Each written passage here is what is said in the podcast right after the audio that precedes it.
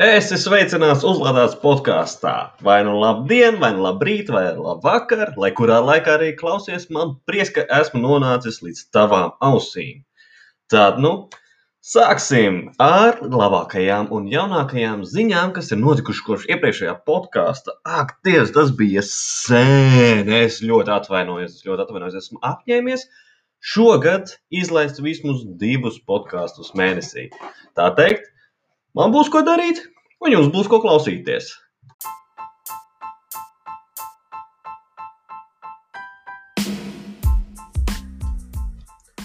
Un tagad vārds no sponsora. Ah, pareizi, mums jau nav sponsora. Pareizi, pareizi, pareizi. Ja vēlaties, brīva vieta reklāmai.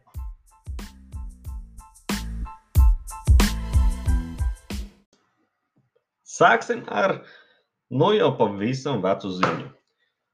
Tesla bateriju diena. Es zinu, es zinu, vecas ziņas, vecas ziņas, pagājušā gada septembris, ak, Dievs, ak, Dievs. Bet, godīgi sakot, tie ir tādi jaunumi, kas ir pelnījuši vēl šodienas uzmanību.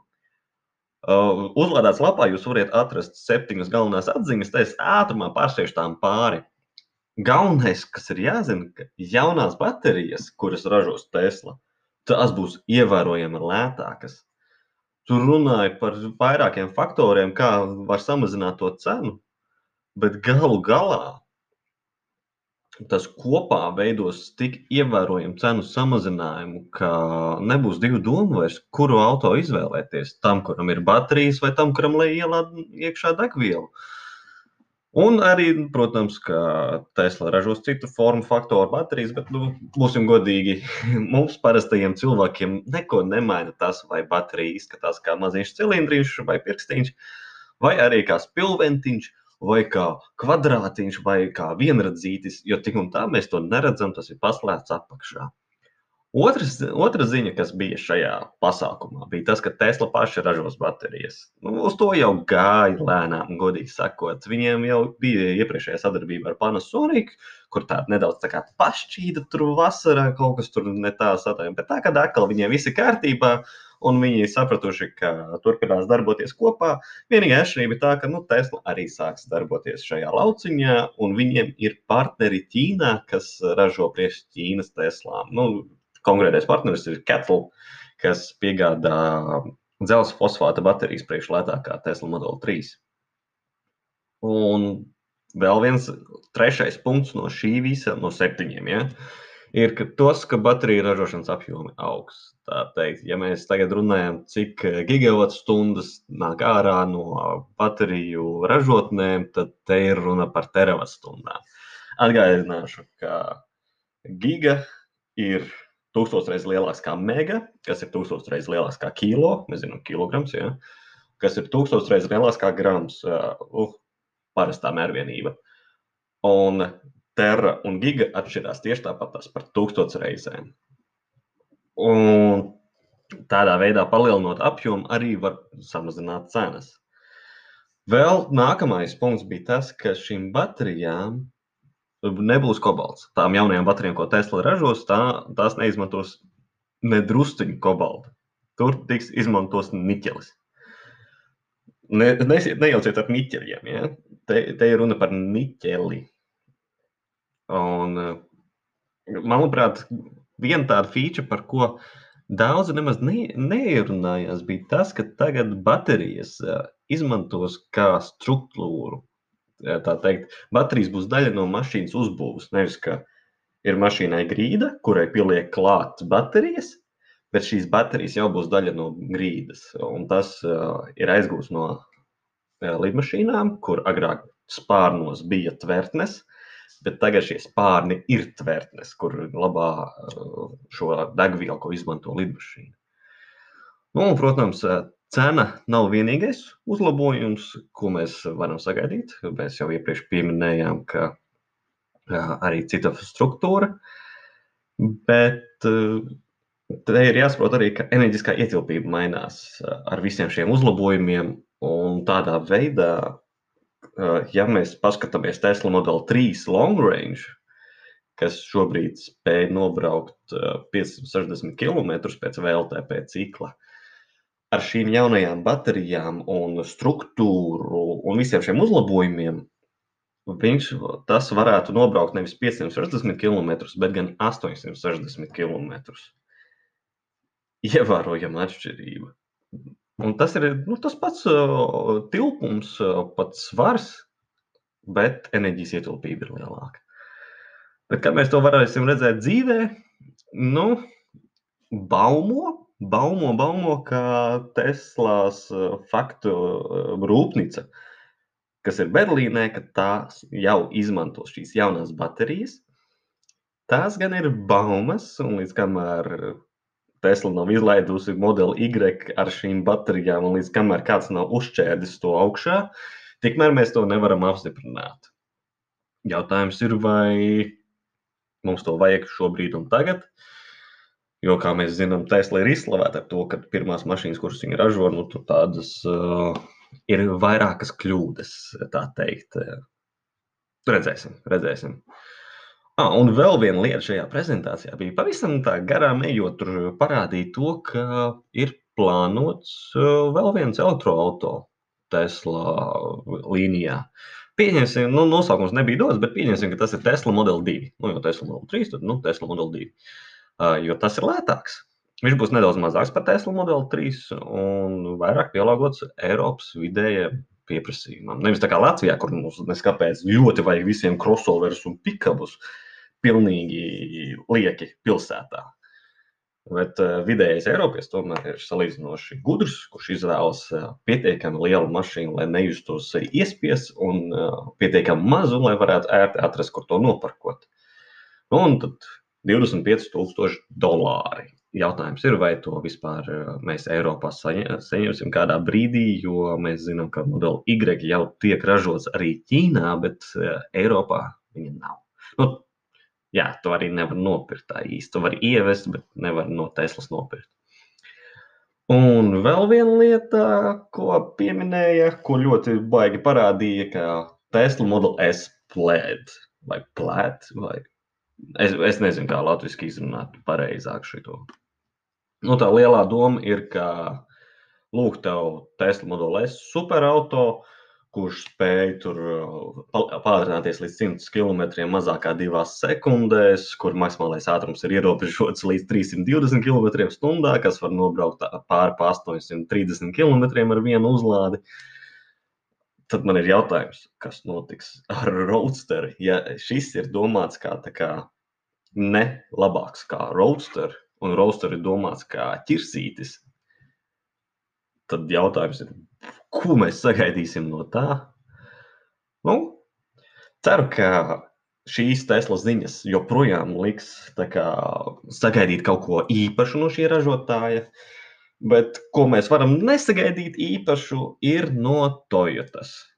Uh, tā vadītājs Akio Toyoda izteicās, ka ap elektroautorus atcelts pārlieku liels hype. Un visi mediji, ko es redzēju, Uh, tur Delfi, TVNet uh, un visi uzreiz paķērās. Jā, beidzot kāds pasaka, ka elektroautorāti ir sūdīgi. Jā, nu labi. Pirmkārt, Akio to joda to saka jau būtībā, kurš pirmajiem elektroautorātiem, kas bija, viņiem arī bija viens no pirmajiem elektroautorātiem mūsdienīgajiem RAV4, kas bija pieejams tikai Kalifornijā. Un, bet jāsaprot, kāpēc viņš tieši tagad atkal izvēlējās to pateikt. Tas ir tāpēc, ka Japāna pateica, ka no 35. gada aizliegs mašīnu ar iekšzemes dzinēju tirgošanu. Un viss Toyotas mājas zemē aizliegs tirgot iekšzemes dzinējus. Un nebrīnīties, nē, nē, Toyotas piedāvājumā šobrīd nav neviens elektroautorāts. Ir divi plug-in hibrīdi, Un pārējie būtībā ir iekšzemes dzinēji, kuriem ir varbūt kaut kāda baterija pielikta klāt, lai at, atslogotu kaut kāds moments. Un tie neskaitās elektroautorāta. Tie skaitās iekšzemes dzinēji. Arī plug-in hibrīdi iespējams zem Japānas paziņojuma skaitītos kā iekšzemes dzinēja mašīnas. Un saprotami, kā mātes zemē pasaka, ka nebūs nākotnes Japānas lielākajam uzņēmumam, kurš, starp citu, ar Volkswagen dalās to apjomu, kurš būtu lielākais pasaulē. Bet pēc vērtības Tesla apsteidza pagājušā gada decembrī, novembrī. Es īsti nesakoju biržas cenām un vērtībām, bet nu, būtībā Teslas vērtība ir ievērojami lielāka nekā Toyota šobrīd. Uh, un apjomos, kurš ir pirmais, kurš otrais, Toyota cīnās ar Volkswagen. Un jautājums ir, kur, virzās Toyota? Jo viņiem tuvākais elektroautorāts viņi pateica, ka būs 2025. gadā. E, es pie šī atgriezīšos vēl vēlāk, bet viņi plāno, ka tikai 2025. gadā viņiem būs pirmais elektroautorāts. Un kas izmantos jaunas baterijas, kuras nav šobrīd nevienam pieejamas, šīs tā saucamās cietvielu baterijas. Nu, vēlu veiksmi, protams, bet 20, 25. gads tas ir baigi, baigi tālu. Tie ir četri gadi no šodienas. Un vēl vesels gads priekšā. Nu, labi. Ja, bet, ja vēsturē ir kāds indikators par to, cik pieejams būs šis elektroautorāts, tad to ražos mazos apjomos un par augstu cenu, lai varētu turpināt vaimanāt, ka sabiedrība nevēlas elektroautorātu. Viņi jau to reiz darīja, un es ticu, ka viņi turpinās tā darīt. Tikmēr Toyotas uh, citi brendi, kā teiksim, Subaru un Lexus, uh, jau šogad izlaidīs savus elektroautorātus Mm, Lexus pat saņēma Vācijas kaut kādu inovācijas balvu par to, ka viņi iedeva baterijai baigo garantiju. Tur, man liekas, bija miljons kilometru garantija. Nu, pa lielam, nu, kurš nobrauc miljonus kilometrus? Nu, reti kurš.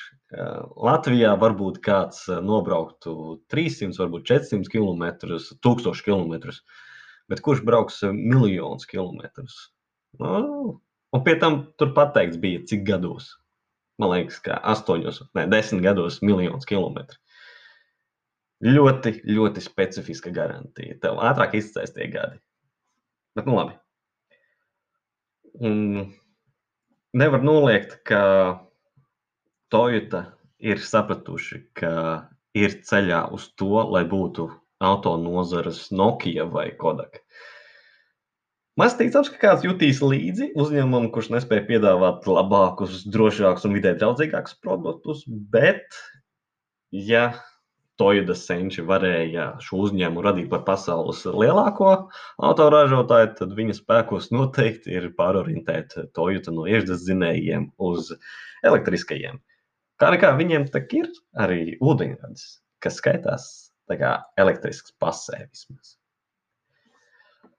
Un eh, runājot par to, tas elektriskajiem auto, viņi papriekš vaimanāja, cik viss ir slikti. Jā, elektroautorāti ir dārgi un tādi. Un tad viņi izlaida ļoti dārgu, ļoti mazu un ļoti prastu elektroautorātu.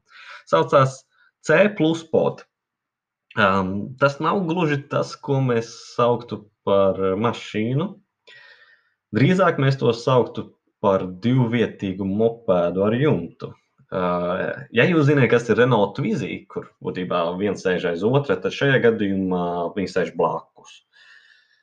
Un 9 kWh spētu dot 150 km lielu autonomiju, jo tā maksimālais ātrums ir 60 km/h. Un motora jauda ir 9 kW. Ai. Tātad uh, Toyota uzskata, ka elektroautori ir jābūt maziem, dārgiem un ne īpaši spējīgiem. Tā cena ir sākot no 13,000 eiro. Un tur tev nav ne apsilde, ne ventilācija. nu, tāds, par tādu summu var atrast daudz labāku lietotu elektroautorātu. Nu, tas pašs Japāns, pieņemsim, Nissan Leaf. Tas spētu veikt tos pašus, eh, cik viņi teica, 150 km ar vienu uzlādi. Eh, droši var atrast tādu. Jā. Pie tam tev nebūs maksimālais ātrums ierobežots līdz 60 km/h. Tu varēsi mierīgi arī braukt pa šosei. Un eh, tev būs ātrās uzlādes iespējas. Nu, šim, šim nav. Šim nav. Šis no rozetes lādēsies 5 stundas. Jā, nu, mēs redzam, kāda ir Toyota. Bet runājot par daudz labākiem elektroautoriem, nu, tādiem, kuriem būtu vērts sekot līdzi. Renault. Renault atklājuši elektroautorātu prototipu, kurš ir bāzēts uz vecā Renault 5 bāzes. Nu, ne gluži bāzes, bet um, tā izskats atgādina Renault 5. Ja jūs nezināt, kas tas ir, es iesaku tiešām izmantot mātes Google opcijas un paskatīties, kā 70. izskatījās Renault 5. Uh, tas tobrīd bija ļoti uh, loģisks lēmums Eiropiešiem izvēlēties šādu mašīnu. Un ja mēs runājam par tās līdzības, kas ir ar 70. gadiem un šiem gadiem, ir eh, tas, ka motoru pārsaka gaisa ieplūdē, tur eh, slēpjas uzlādes ports, un miglas lukturu apakšējā, priekšējā buferī ir dienas gaismas lukturi. Un ir šādas tādas niansītas, kā tas eh, kā kantēnums, kāds bija tajos laikos, ir nu, nedaudz noslīpēts, bet tā. Es ļoti esmu starā par šo mašīnu. Nekas gan tāds specifikas nav dotas, bet, cik zināms, tas tiks bāzēts uz Renault Zoe, nu, tīri elektriskā daļa. Un, ja tas vēl piedāvās 22 kW maistrāvu un līdzstrāvas arī opcijas, tur ātru uzlādi, nu, tad es, es iestāšos rindā. Manuprāt, šis ir tas elektroauto, kuru es gribētu sev. Tā, tā nopietni runājot, tas, tas nav varbūt tāds racionāls lēmums pirkt jaunu mašīnu. Bet, ja man būtu jāizvēlas, šobrīd šis noteikti ir mans top viens. Par citiem topiem, kas ir šajā, tad ir Sono Motors Sion. Es iepriekš jau esmu izteicies, ka man tas ļoti simpatizē, ka tev uz mašīnas ir saules paneļi, kas tev potenciāli vasarā ļauj vispār neuzlādēt mašīnu, nu, nepielikt pie uzlādes stacijas eh, vai kontaktlīzdiņas. Un tad eh, otrajā vietā ir Volkswagen ID Buzz, kuru baumo kā izlaidīs nākamgad, prezentēs šogad, izlaidīs nākamgad, eh, un Ford Mustang Mach-E. Nu, tas ir pēdējie divi ir ļoti neloģiski manai situācijai. Man nav daudz mantu, kuru pārvadāt, un man nav liela ģimene. Es dzīvoju pilsētā, man, nu, būtībā tās nav mašīnas, kādas būtu man praktiskas. Bet Renault 5, ah, to es tiešām gribētu. To es tiešām gribētu. Nu, jācer gan, ka viņi neizdomās kaut kādā veidā sačakarēt to mašīnu. Kā, kā ir gadījies redzēt, nu, Renault Twingo ir labs piemērs. Bet nu, parunāsim nedaudz par Latvijas aktualitātēm. Rīgas būvvalde noteikusi principus Latvijas elektroautorāta uzlādes punktu izvietošanai. Ne, nevarētu teikt, ka tas ir gluži priekš Latvijas energo. Te ir uzreiz jāskatās, ka tas ir priekš visiem, kas vēlētos eh, izvietot publiskus eh, uzlādes punktus. Un, eh, ja tā īsumā jāskatās, tad no malas izskatījās, ka Latvijas energo gribēja izdarīt, kā ir ātrāk. Būtībā pieteica visas savas vēlamās lokācijas un vienā vietā. Un no otras puses, būvvalde gribēja pateikt, mēs esam spēcīgi un mēs negribam, lai jūs kaut ko dariet. Nu, un tad būtībā pateica lielu traknu nē, Nu, negluži nē, bet būtībā visi, visas izvēlētās vietas ir, ir jāpārskata individuāli. Kā piemēram, nav pieļaujama uzlādes punktu izvietošana pie ēkām, kas ir arhitektūras pieminekļi. Okay. To varbūt varētu saprast, tikai tad ir arī jāsaprot, kas vispār jau tur ir vietā. Varbūt šīs uzlādes stācijas pat uzlabotu to esošo situāciju. Bet, nu labi, uh, Um, uzlādes punktu izveidē nav pieļaujama koku ciršana un zaļo teritoriju likvidēšana. Apsveicama doma, apsveicama doma, bet vai tas ir konkrēti uzlādes punktam? Kā būtu, ja koku nevis cirstu, bet uh, pārstādītu? Tā, tāda ir praksa. Mūsdienās tas ir iespējams. Un uh, zaļo teritoriju likvidēšana, to varbūt var kaut kā kompensēt citādā veidā Nu, es, es nezinu. Un, jā, man nedaudz žēl to izniekoto laiku, kas tur bija veltīts. Latvijas energo noteikti gatavojās šim nopietni, un beigās lēmums bija ne piesakiet individuāli katru atsevišķo ieceri un ņemiet vērā visas sarkanās zonas, kokus, krūmus, zaļās zonas, ēkas un tā tālāk un tā joprojām. Nu, labi. Gan jau, ka ir kaut kas vēl apakšā zem tā. Turpinot par Latviju, starp citu, ir zinām jau pagājušā gada statistika. Un, ja man kāds pirms gada būtu teicis, ka elektroautorāta ne tikai sasniegs 1% robežu no auto tirgus, bet pat tuvosies jau 5% robežai, es būtu teicis, jā, jā, gan jau, gan. Var, nu, diez vai par šo gadu tas tā notiks, bet uh, tas notika. Un, ja mēs skatāmies konkrēti pēc reģistrācijas skaita pieauguma jaunajām mašīnām, tad tas ir par 230% lielāks nekā gadu iepriekš. Nu, gadā kopumā elektroautorāta ieņēma 3,13% no jaunu automašīnu tirgus. Ja mēs gribam zināt, kas ir konkrēti atbildīgie par šo, nu, tad fiksi pirmām kārtām viņi drusku vairāk kā piekdaļu no pienesuma deva. Un gada beigās pēkšņi arī DPD pieteicās ar vairākām e-krafta reģistrācijām. Un man jau cilvēki ir ziņojuši, ka viņi ir redzējuši, ka tie tiek izmantoti un pie viņu pakumātiem ir piebraucis elektriskais krafteris. Vai arī pie durvīm. Bet, ja mēs runājam konkrēti par to, kurš tad ir Latvijas tas populārākais elektroautorāts, nu, tas joprojām ir BMW i3, kurš vienkārši izvirzās vadībā.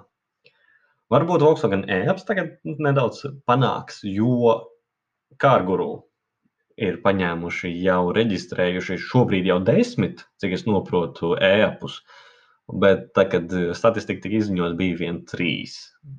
Un, Jā, tad pirmajā vietā ir BMW i3, otrajā Volkswagen e-apps, trešajā Nissan Leaf, ceturtajā Renault Zoe un piektajā top 5 noslēdz Tesla Model 3.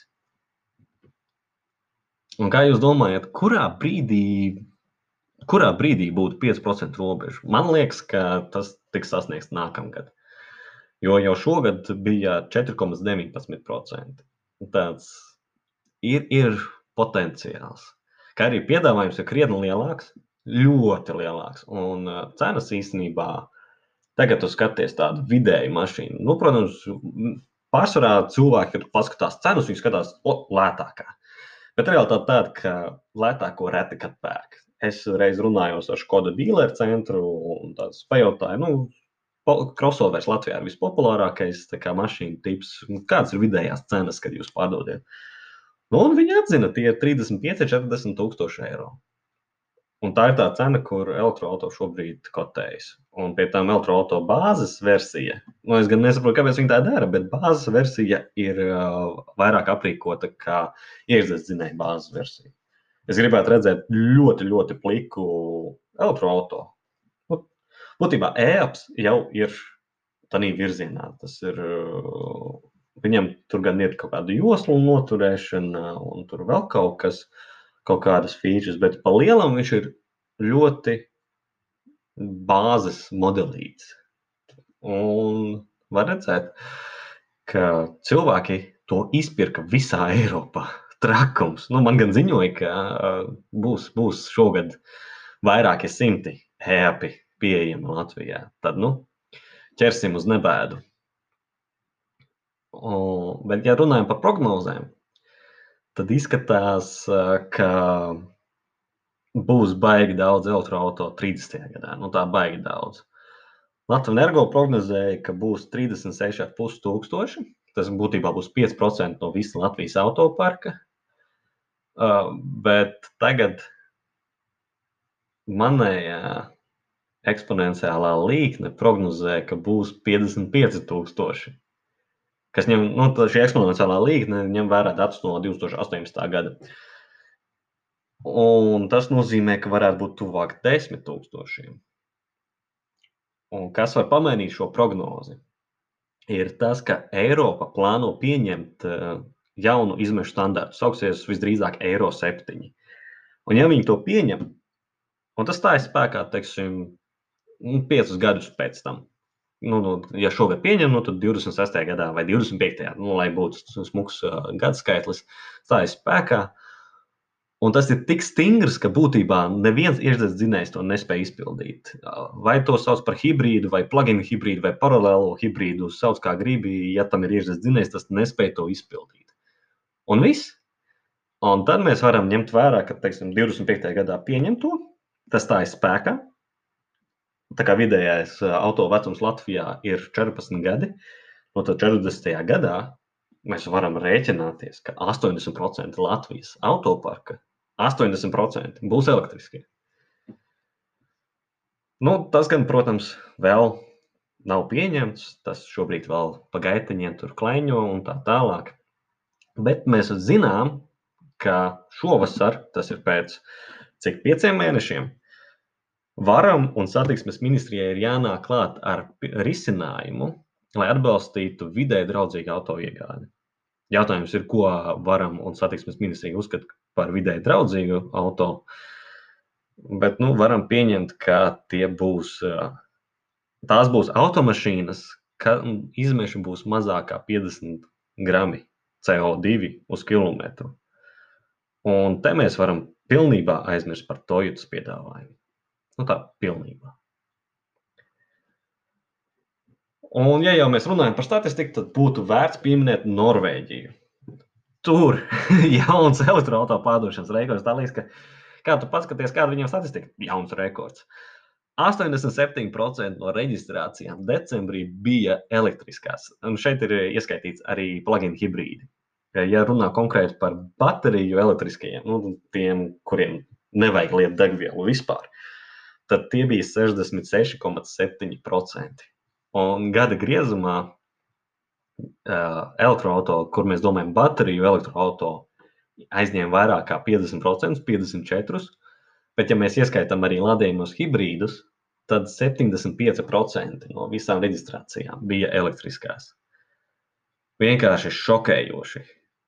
Bet tā smieklīgā daļa ir, ka, ja mēs paskatāmies uz Norvēģijas tendencēm un nu, mēģinām vilkt kādas paralēlas ar Latviju, tad mēs no Norvēģijas atpaliekam tikai par astoņiem gadiem. Labi, astoņi gadi liekas daudz. Pamēģināsim kaut ko pozitīvāku. Vidējais Eiropas šī 2020. gada elektroautorāta īpatsvars jauno auto tirgu bija 3%.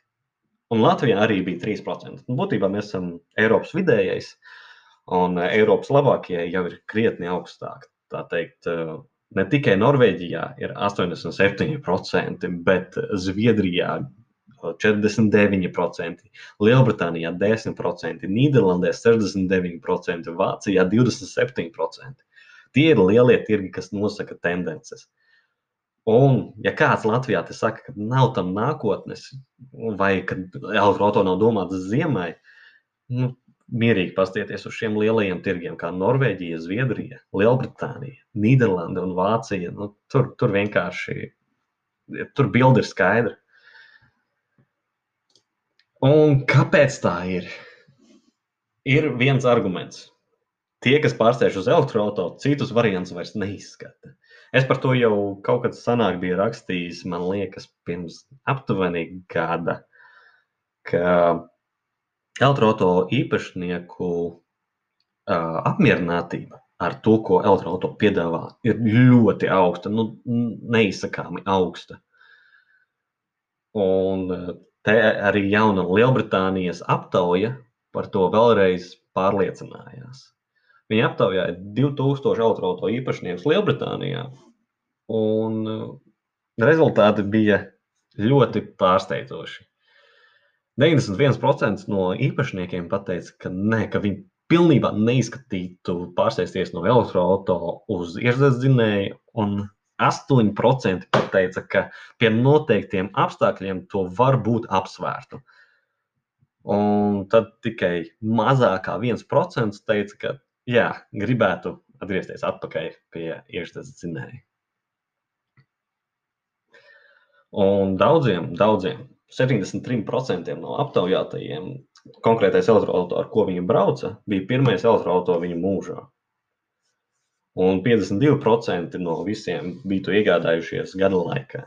Nu, te, te viss ir vienos vārtos. Visi šie raksti, visas šīs ziņas, ko es stāstu, tas viss ir atrodams uzlādēts LV portālā. Un, ja tev interesē, droši pēc atslēgas vārdiem var atrast tur, teiksim, septiņas galvenās atziņas par Tesla pasākumu, Toyota nav apmierināta ar elektroautoru revolūciju, uh, Renault atklāja prototipu, kas atsaucas uz uh, Renault 5 vai Rīgas būvvaldē, un tā tālāk un tā joprojām.